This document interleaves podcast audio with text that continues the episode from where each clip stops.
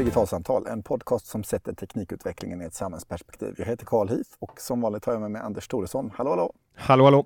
Vi bestämde oss för att göra ett samtal om filterbubblor och nätplattformar för att det är himla aktuellt just nu, eller hur? Det ligger lite i luften kan man säga. Lite i luften. Och det som är i luften, det kommer ju ifrån dels det amerikanska valet och diskussionen om framförallt vad Facebooks roll som eh, plattform har varit i hela den processen. Och även eh, Statens medieutredning som eh, släpptes för inte alls länge sedan där man också diskuterar filterbubblor, eh, desinformation på nätet eh, och mediernas förändrade roll. Så eh, frågan är vad vi ska bita tag i det här. Om vi ska börja någonstans kanske vi ska börja och nörda på filterbubblor och bara landa i frågan vad, vad det är. Rent, rent, rent, tekniskt, vad är det egentligen vi pratar om för någonting? Ja men precis.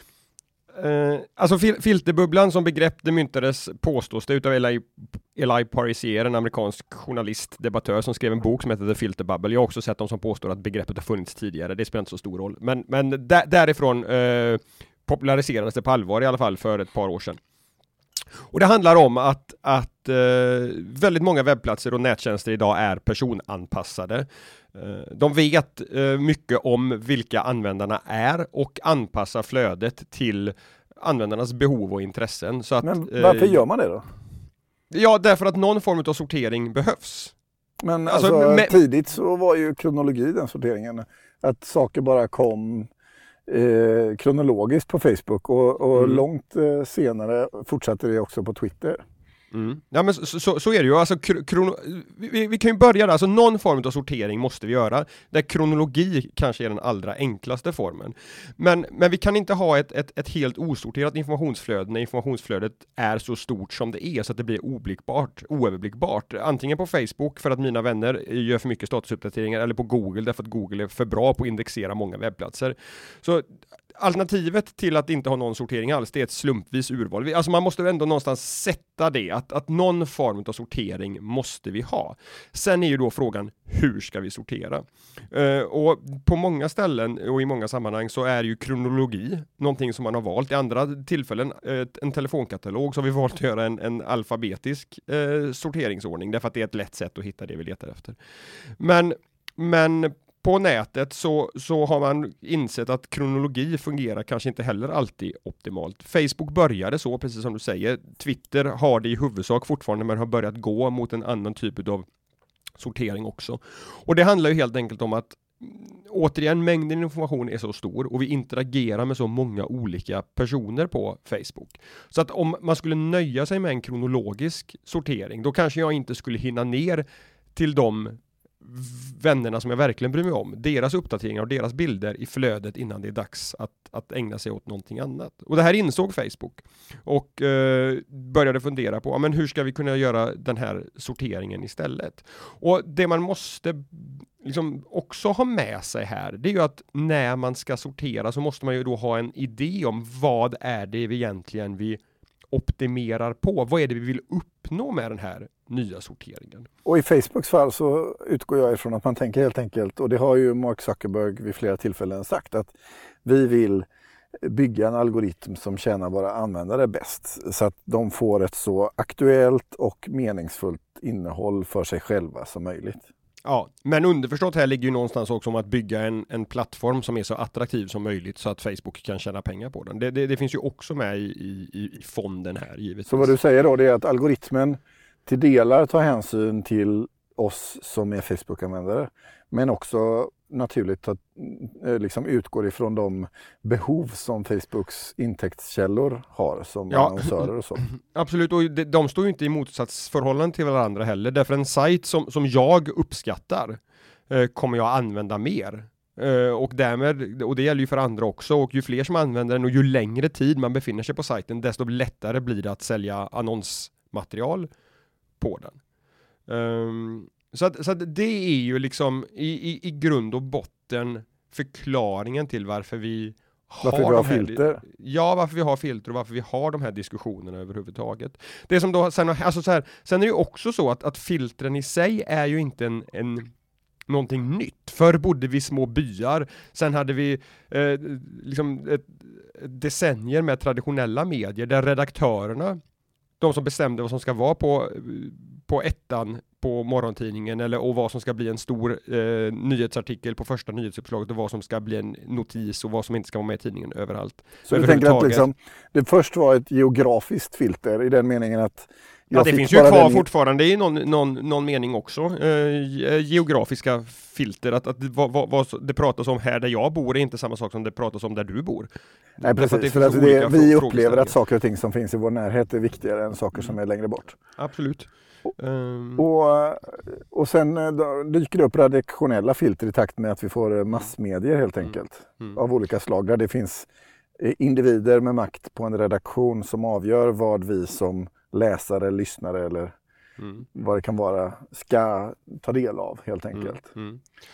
Och, och, och det, det, om vi liksom snabbspolar, snabbspolar fram dit vi är idag då, så, så har ju då med teknikens hjälp har det blivit möjligt att bygga filter som inte är anpassade till en, till en större demografi, till en, till en, en lokaltidnings utgivningsområde och de, de gemensamma intressena som finns bland läsarna där, utan man har hamnat i en, i en med en teknisk möjlighet att att eh, anpassa flödet efter mig, Anders, och efter dig, Karl. Ah, Okej, okay. så det är det som blir den stora skillnaden med filterbubblor nu. Det är ju att min filterbubbla på individnivå är annorlunda än din filterbubbla. Mm. Till skillnad från att tidigare det handlade om min socken eller vi som var läsare av Göteborgs-Posten eller Dagens Nyheter. Mm. Det, det, är ju en av de stora skillnaderna. Sen är det ju också det här att, att eh, det går mycket snabbare så att det går att, att, att gallra i, i, i ett större i, i, eh, innehåll överhuvudtaget. Så det, det, det, finns ju fler aspekter också. Men, men det som också är intressant tycker jag att, komma ihåg här är att det finns ju Alltså det finns företag som, som har försökt eh, bemöta den här oron kring filterbubblor. DuckDuckGo är ju ett sådant exempel, en, en, en, alternativ sökmotor till, till Google som har marknadsfört sig med att de inte är, samlar inte in data om användarna, vilket ju också är en förutsättning för att kunna göra den här personanpassningen. Och om Facebook och Google inte vet vem jag är, då kan de heller inte anpassa innehållet till mig. Så det finns liksom en integritetsaspekt eh, som, som svävar över den här diskussionen också. Men ja, det vill säga att liksom, ju mer data plattformarna samlar om mig för att kunna ge mig den information jag faktiskt vill ha, desto mer kunskap har de också om mig till andra saker som att absolut. sälja annonser eller vad det kan Absolut, vara. ja men så, så är det ju absolut. Och DuckDuckGo då har, har i, i annonskampanjer i, med tv-reklam bland annat eh, argumenterat för att vi samlar inte in någon information om vilka ni är. Här får ni inte ett personanpassat eh, resultat utan här får ni se internet som det är. Men den verklighetsbeskrivningen vänder jag mig också emot därför att precis som vi sa, någon form utav sortering måste även DuckDuckGo göra om de inte har en slumpvis eh, vald träfflista, vilket de givetvis inte har, eller om de har en, inte, en kronologisk eller en bokstavsordnad eh, lista, träfflista, och det har de ju inte heller, utan de har ju ändå gjort någon slags värdering av vad är en relevant träff på just den här sökningen. Men de har valt att göra det här på ett annat sätt. De har valt att, att sortera på andra faktorer. Men, men bortsett från det dessutom så tycker jag det är intressant att fundera på det faktumet att att um, alternativet här då, om, om vi å ena sidan har de helt personanpassade eh, sökresultaten som, som Google står för, skulle det vara bättre om alla Google-användare över en natt flyttade över till DuckDuckGo och började använda DuckDuckGo som, som sökmotor istället. Då skulle vi plötsligt vara inne i samma filterbubbla allihop. Och det skulle ju innebära att den makten som vi idag är oroliga för att utvecklare hos Facebook och Google har över vårt informationsflöde, det skulle ju bli ännu större och ännu mer koncentrerat därför att de här utvecklarna och algoritmskruvarna hos DuckDuckGo skulle, skulle kontrollera vad vi alla får se när vi gör våra sökningar på nätet. Alltså det är inte helt trivialt. Så vad du säger lite grann är att utöver eh, frågan om liksom, eh, hur filtret eh, sorterar så eh, är ju frågan om plattformarnas maktkoncentration en annan frågeställning som är egentligen minst lika viktig. Det faktum att det finns ett Facebook med ja. 1,7 miljarder människor. Ja. Så ja, storleken på de här plattformarna blir också avgörande för så att säga eh, på vilket sätt det här filtret eh, får ett utfall. Ja, jo, jo så, så, är det men, men fast det, det, jag sa framförallt var, var det faktum att, att om, om vi alla skulle sitta och, och få vårt innehåll så gallrat genom samma filter, ja, att, så, att, så, att, vi hela tiden skulle se exakt samma information, alla 1,7 miljarder användare. Alltså skulle det verkligen vara bättre för att vi inte sitter i personliga filterbubblor då? Det, alltså, nej, nej, det har jag... Ju, nej, nej, visst, det är ju bara två olika typer av algoritmer men där makten utgår ifrån en aktör mm. i båda lägena så att säga. Ja men absolut, oh, men, men också någonstans liksom den här informationsmixen som vi utsätts för skulle ju också eh, bli väldigt likformig i sådana fall. Nu är det åtminstone så att om du och jag existerar i våra olika filterbubblor och sen möts vi olika filterbubblor på nätet och sen så träffas vi den i, liksom över en kopp kaffe.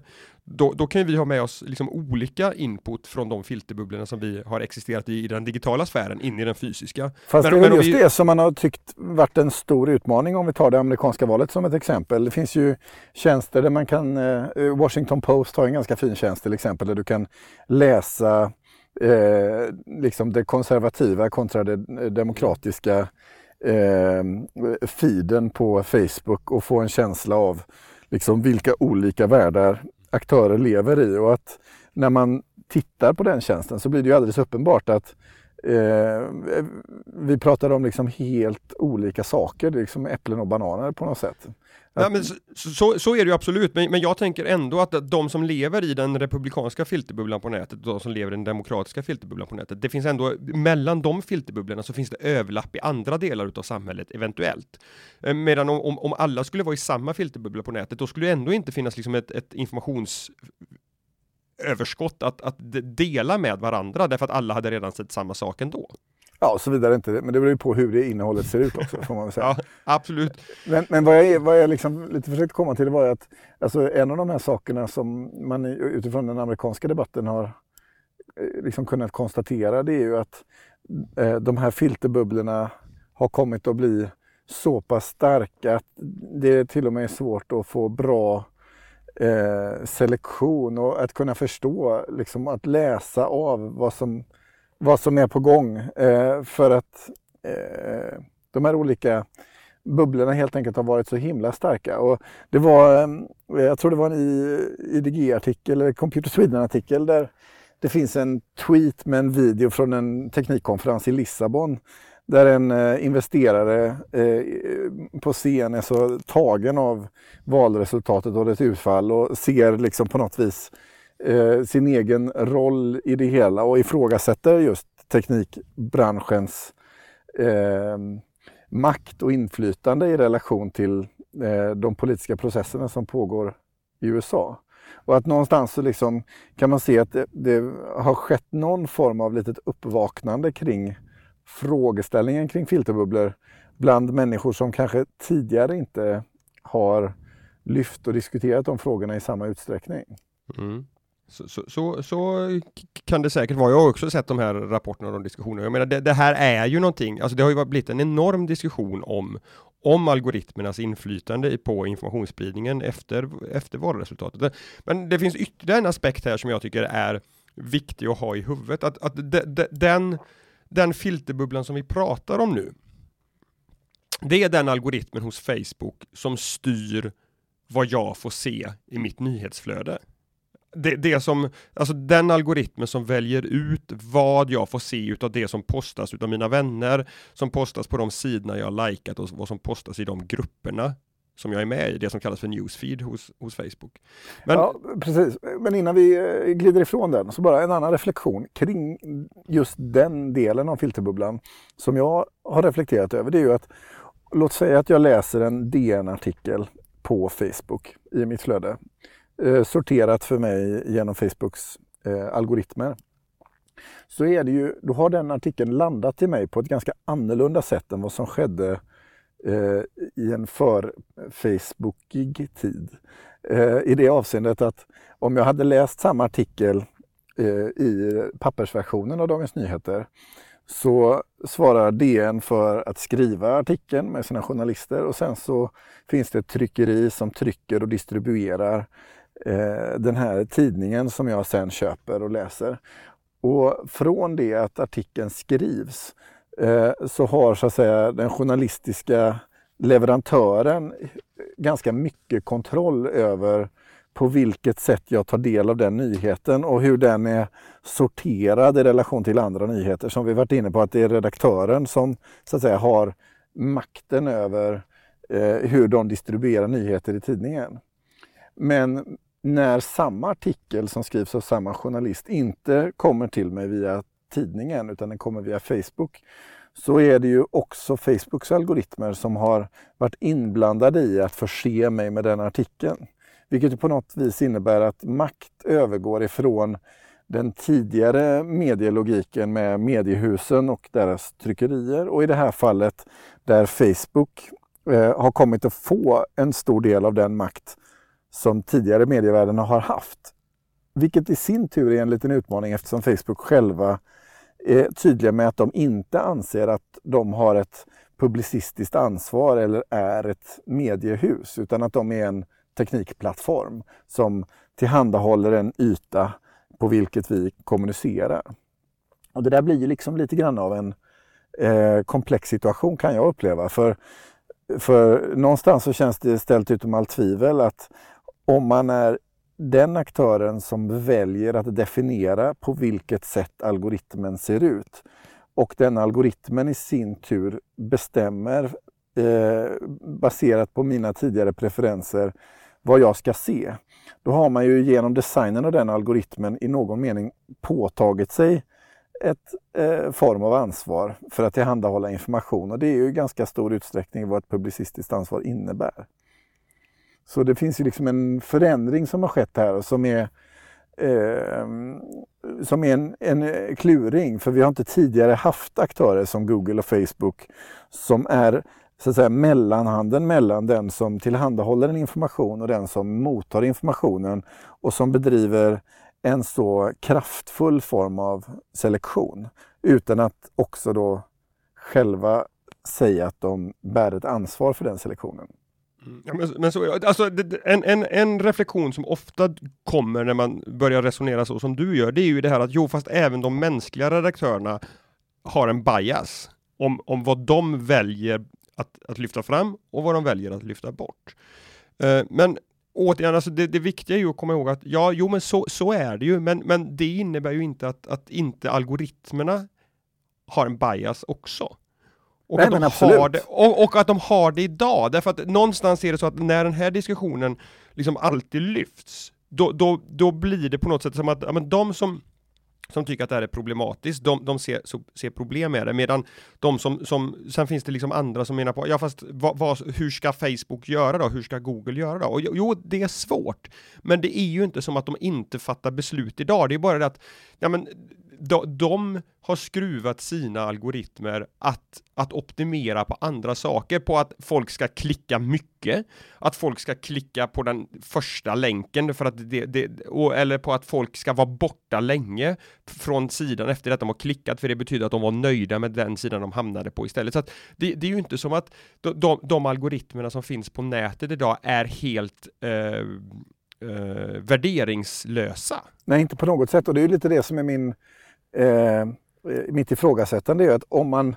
konstaterar det som du gör nu, att de här algoritmerna inte är värderingsfria utan i allra högsta grad bygger på värderingar. Alltså det är ju ganska tydligt kan jag känna att väldigt ofta så är algoritmerna triggade för att ge mig här och nu orienterad feedback. Eh, liksom socker istället för långsamma kolhydrater. Alltså det är inte, eh, Facebook tänker ju inte på vad som är det goda för mig om 30 år utan vad som är skönt för mig här och nu.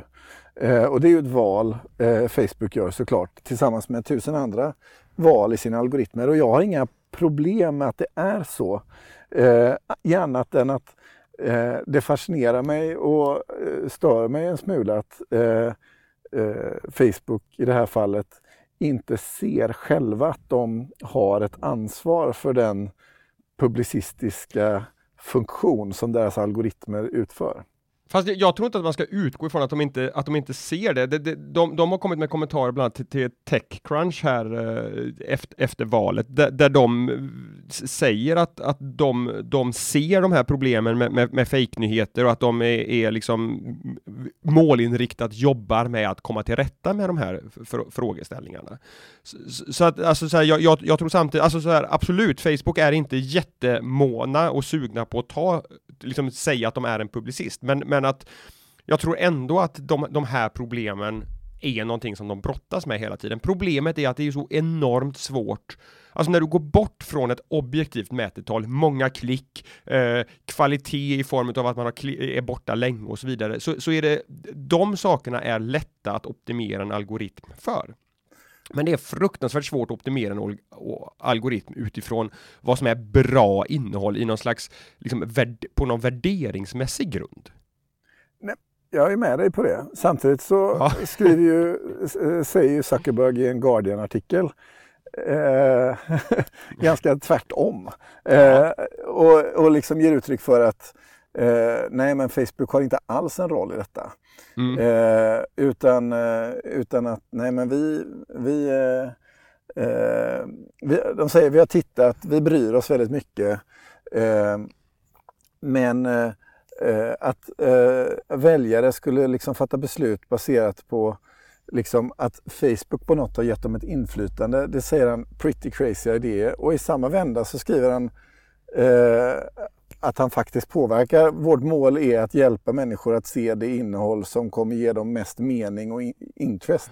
Så, så det är ja, och, det, och det, är också, det är också komiskt utifrån att det finns eh, liksom företag som, som plöjer ner jättemycket pengar i att annonsera hos, hos Facebook därför att Facebook själva har visat hur, hur framgångsrik man är som, som annons kanal. Ja, för det är ju så... ditt andra argument som du ville komma till. Det är att vi liksom tittar väldigt mycket på just flödet. Men att ja, men sidan är också Ja, ja men absolut. Det, som, som, jag var på väg in på förut, att, att den diskussionen som, som kretsar kring filterbubblor nu och tidigare, den handlar i väldigt stor utsträckning om det här flödet som väljer ut då, som jag sa förut, eh, de uppdateringarna som mina vänner gör, de uppdateringarna som kommer på de sidorna jag har likat och de nya inläggen som kommer i de grupperna som jag är med i, alltså det som kallas för newsfeeden på Facebook. Så det, där finns ju absolut en filterbubbla.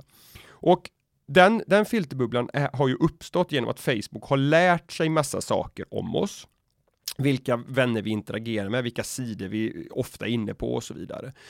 Um, men den kunskapen sam, i, i, kombination med andra saker som hur gamla vi är, eh, vad vi har för jobb, eh, vilket kön vi har och så vidare. Det är också information som finns tillgänglig på Facebook och som till, tillgängliggörs för de som vill köpa annonsplats på Facebook. Så att det finns ju dels liksom den här filterbubblan som, som är liksom det organiska flödet eller det flödet som, som kommer från, från de källorna som jag själv har valt. Men sen har vi ju liksom också ett, ett flöde utav köpt material, antingen sponsrade länkar eller, eller annonsplats. Och det är ju också en, en ett urval som sker på algoritmisk med, med algoritmer som blir en slags filterbubbla också, men där jag inte ens är medveten om att jag har gjort ett val, därför att det valet om vad jag får se där baseras dels på vad Facebook har fått för uppfattning om vem jag är, men sen också vem det är som är beredd att betala pengar för att nå mig med ett budskap. Och där finns det ju väldigt många exempel på hur eh, minutiöst eh, på liksom mikronivå eh, man utforskar detta. Jag vet i, i, i fallet med när Obama blev omvald i, under den kampanjen så gjorde man så kallad A-B-testning nere på ordnivå när man skickade ut eh, annonser digitalt. Det vill säga att eh, om, man, om, man, ska skicka ut ett brev till en mycket smal målgrupp inom ett särskilt område med ett visst budskap så skickar man ut 20 varianter av samma brev och där ett brev kanske inleds med att man säger hej, ett annat säger hallå, ett tredje säger hej bästa Anders och så vidare. Eh, och så testar man och ser vilken av de här får mest clickrate eller respons eller mest lästid och så vidare. Och så skruvar man nästa iteration, nästa generation av brev baserat på det. Och det kanske sker redan samma eftermiddag med tusen nya användare. Och så prövar man om och om, och om igen tills man hittar en, eh, ett uttryck som verkligen går hem. Och eh, det här finns det ganska många underhållande exempel på också inom reklam världen där den som eh, skapat reklamen inte själv kan riktigt förklara varför en viss reklam funkar bättre än någon annan utan man bara ser det i att eh, beteenden hos de som klickar på reklamen helt enkelt är mycket mera fördelaktiga än andra reklamer även om man själv inte riktigt kan förstå och tolka varför det är på det viset. Eh, och, och, och, ja. Och det här är ju också precis, precis som med det som vi pratade om förut, liksom, de, de redaktionella filtren om, om, om, vi kallar det för det, så de här kommersiella filtren, det är heller inte någonting nytt. Annonsörer har ju alltid sökt plattformar där de kan hitta den demografin som de är intresserade utav. Du, du ser inte samma annonsörer i Dagens Industri som i ett, i ett amerikanskt magasin som i Bohuslänningen, en lokaltidning. Liksom. Utan, därför att man, man vill nå olika målgrupper. Det som har hänt här är ju precis som med de redaktionella filtren, att, att de kommersiella filtren blir också möjliga att, att finjustera på en nivå som vi som vi inte har sett förut och som, som gör det möjligt att, att nå väldigt specifika personer. Eh, men också då, precis som du säger, att, att automatiskt men väldigt låg kostnad skruva på de här eh, kommunikationsparametrarna om vi säger så, för att kunna formulera ett budskap som verkligen, verkligen biter hos den här det här lilla tvärsnittet utav befolkningen. Och det jag tänker då, oavsett om det är liksom politik eller om det är marknadsföring eller vad det än kan vara.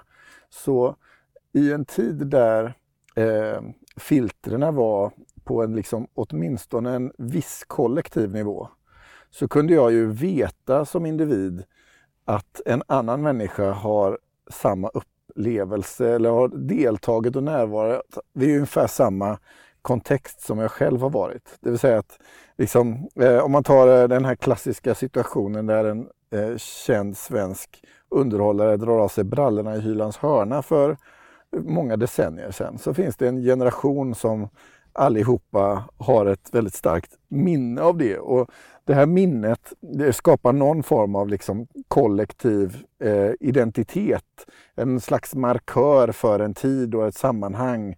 En händelse som uppstod och som har, liksom, är meningsbärande för dem som kollektiv. Man kanske har olika uppfattningar och sådär men man har ändå sett och förnimt samma typ av sak.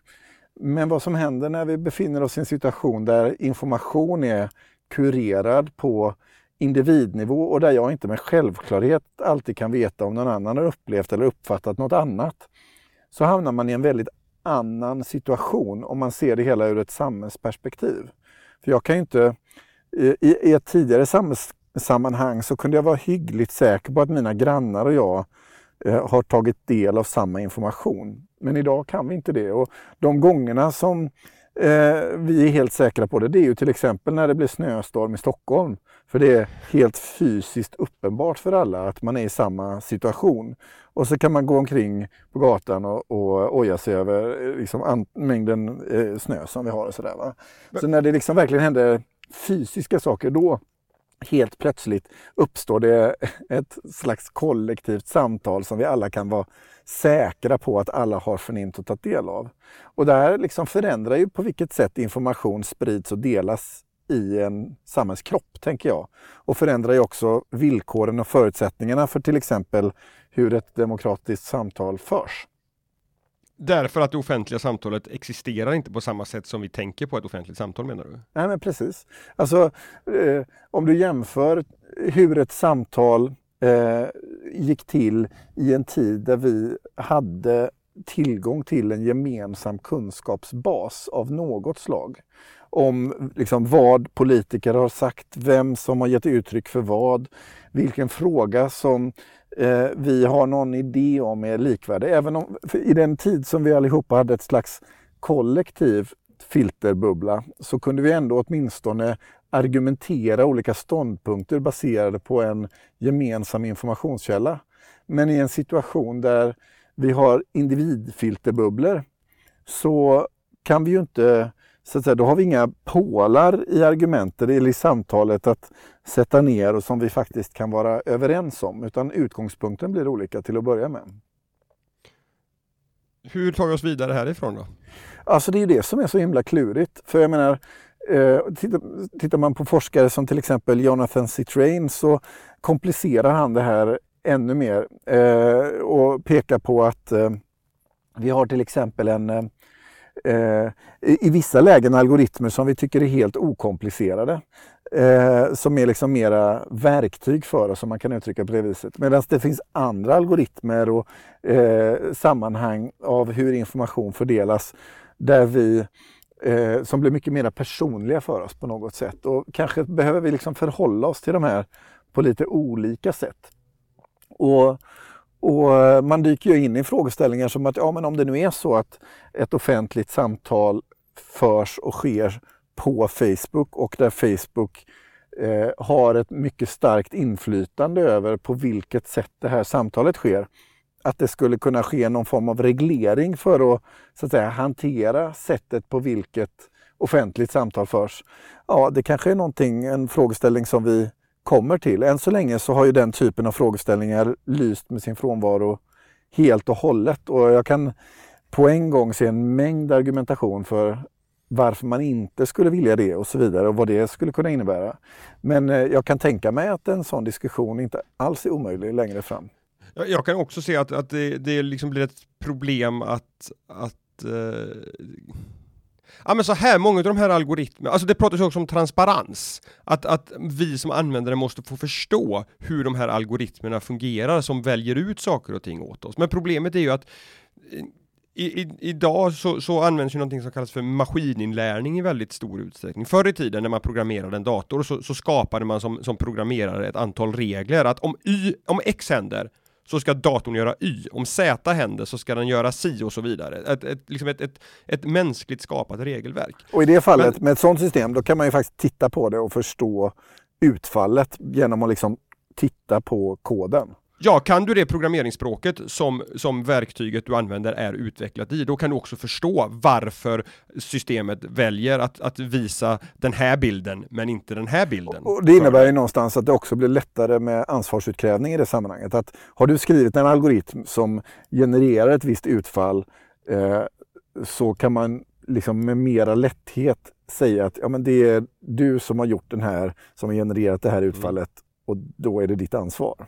Mm. Därför, alltså så här, det, det, det, sägs ju att, att, att, och jag använder också det ibland, det här att, att det, det finns liksom ingen magi med, med, med, programkod och vad en dator gör, utan den följer bara de instruktionerna som den faktiskt har fått. Och då är det ju liksom det här mänskligt skapade regelverket som filtrerar flödet som, som, vi, som, som, som Men avses. som du var inne på mm. så är maskininlärning något helt annat? Då? Ja, och det, det, det, handlar ju om att man istället eh, skapar ett datorprogram som låter datorn lära på egen hand. Att den tar enorma stora datamängder, eh, verkligen liksom gigantiska datamängder. Och sen på egen hand eh, hitta statistiska samband och, och korrelationer och så vidare i, i den här datavolymen och sen skapar egna regler för eh, vad som ska väljas och inte väljas och så vidare. Och det här, det här sker i, i, i så många olika steg och på ett så komplicerat sätt så att det, det blir som en svart låda. Det, det, det, är inte möjligt, säger de som jag pratar med, de forskare som jag pratar med, att, att titta under huven på en sån här maskininlärd algoritm och faktiskt för en människa förklara hur den fungerar. Och då blir ju helt plötsligt ansvarsfrågan väldigt, väldigt svår. Alltså om det är den typen av algoritmer som reglerar eh, filterbubblan på Facebook eller nyhetsflödet på Google eller vad det kan vara, vilket ju idag är fallet, då blir ju frågan genast betydligt mer komplex. Ja, det, det, det, det blir det ju därför att det är ju inte helt Alltså då, då är det ju en, alltså så här, Google har ibland argumenterat till exempel för att de kan inte ta ansvar för Eh, när, man, när man börjar skriva, skriva eh, in sina söktermer i Google-rutan så, så kommer det upp förslag på, liksom, det kanske är det här du är intresserad av att söka efter, den kompletterar med tre, fyra olika, fem eh, sökförslag. Och där har det varit eh, rättegångar i, i ett, ett, par länder där personnamn då har, har kompletterats med mindre fördelaktiga sökförslag och där, där de här personerna har velat få bort de här eh, nedsättande kompletterande orden. Och Google har då försvarat sig med att nej, men vi kan inte ta ansvar för vad, vad, vad, som står här för att det är ju, det är ju bara utifrån vad våra, våra användare har valt att, att mata in. Men ja, man skulle ju, alltså där går ju att argumentera för att ja, men Google kan ju välja att inte ha den här funktionen eller att, att ha den här funktionen. Men, men när vi då i, i, större utsträckning går mot att ja, men den här algoritmen har faktiskt lärt sig utifrån vad användarna själva gör, hur de klickar, vad de väljer att klicka på och så vidare, då blir det ju precis som du säger, att det blir inte lika lätt att med ansvarsfrågan. Ska, nej. nej, och det blir ju svårare med liksom eh, juridiken kring det hela. För någonstans så handlar det ju om att liksom, eh, där tidigare en publicist har haft ett publicistiskt ansvar, om det nu är så att eh, de här plattformarna, eh, om man landar i ett, ett sådant konstaterande att de här algoritmerna påverkar ett utfall på ett sådant sätt som innebär att de på något sätt har ett större ansvar än vad de själva ser att de borde ta idag. Och att det skulle då hypotetiskt ske någon form av reglering, vilket i så fall skulle innebära någon form av lagstiftning. Då blir det här jättesvårt att, att förhålla sig till i ljuset av eh, eh, artificiell intelligens. Jag, ja, hur, hur, man, hur man tänker kring den lagstiftningen blir, blir en utmaning. Ja, det, det, gör det. Det, det, det, är ju, det är ju verkligen inte helt lätt att, att, att se framför sig hur den här transparensen som i sig låter som en bra idé, hur den faktiskt ska utformas i praktiken. Alltså det, fin det, finns ju massa eh, liksom motargument om, om affärshemligheter och så vidare, men, men en som man bortser från dem och bara tittar liksom på, på hur skulle en teknisk lösning för algoritmtransparens se ut? Så, så har jag i alla fall inte snubblat över någon uppenbar lösning på det när vi kommer till de här självlärda algoritmerna. Uh, Nej men precis.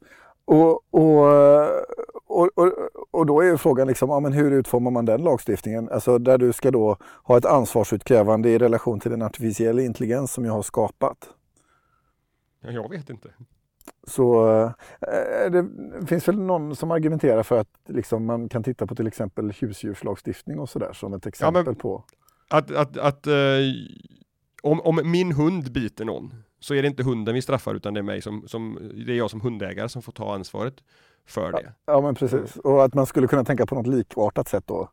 Eh, när det har, man, till... har, har, man uppfostrat sin algoritm på ett dåligt sätt så, så får man ta ansvar för det. För det är också en aspekt här liksom i, i, i det hela och det är ju att de här algoritmerna de tränas ju upp de, de, får ju lära sig själva utifrån den här stora datamängden hur de ska fungera. Så då, då skulle ju argumentet möjligen kunna vara att ja, men du har faktiskt inte försett din algoritm med rätt träningsdata för att den ska ha ett, ett tillfredsställande utfall.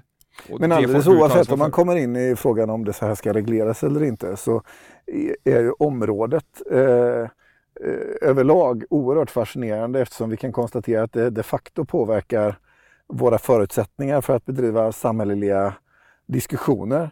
Eh, men samtidigt eh, att vår egen kunskap om konsekvenserna och innebörden av detta är väldigt, väldigt låg.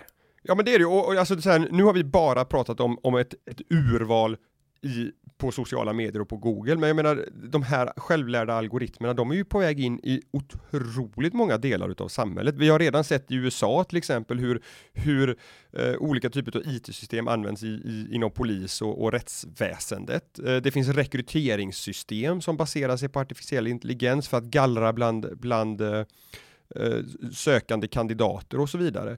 Och hur, hur verifierar vi att liksom det här är algoritmer som fungerar på rätt sätt och kanske ännu mer då hur, hur verifierar vi att de här faktiskt är tränade med data som är eh, rätt och riktig. Därför att någonstans är det också så här att, att i den här träningsdatan så kan det ju finnas eh, felaktig, felaktigheter som, som vi egentligen inte vill ska finnas där att vi bara har valt att rekrytera män till exempel. Ja, men då kommer den här algoritmen fortsätta bara rekrytera män därför att det är ju så vi har rekryterat historiskt sett. Varför skulle då, då kommer liksom algoritmen inte kunna lära sig att göra på ett annat sätt. Så att det är oerhört viktigt att man när man utvecklar de här systemen Eh, är medveten om vilken kvalitet man har på den här datan som man, som man tränar dem med och att det, det krävs tvärvetenskapliga eh, utvecklingsteam här. Dels de som är experter på själva maskininlärningen men också de som är experter på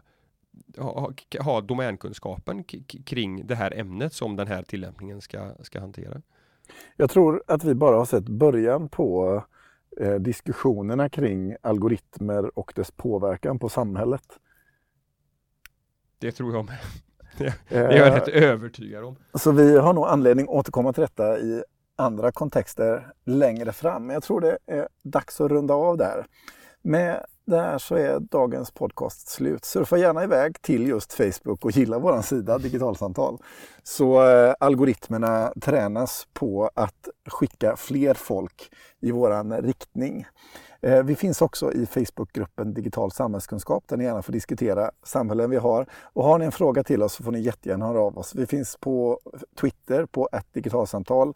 Och är det så att ni prenumererar på oss i någon poddspelare av något slag, så recensera gärna och betygsätt oss. För på det sättet hamnar vi högre upp i sökresultat och fler får möjlighet att hitta till oss. Men till nästa gång, hej då! Vi hoppas helt enkelt att vi ska slå igenom i filterbubblan. Hej så är det, hej!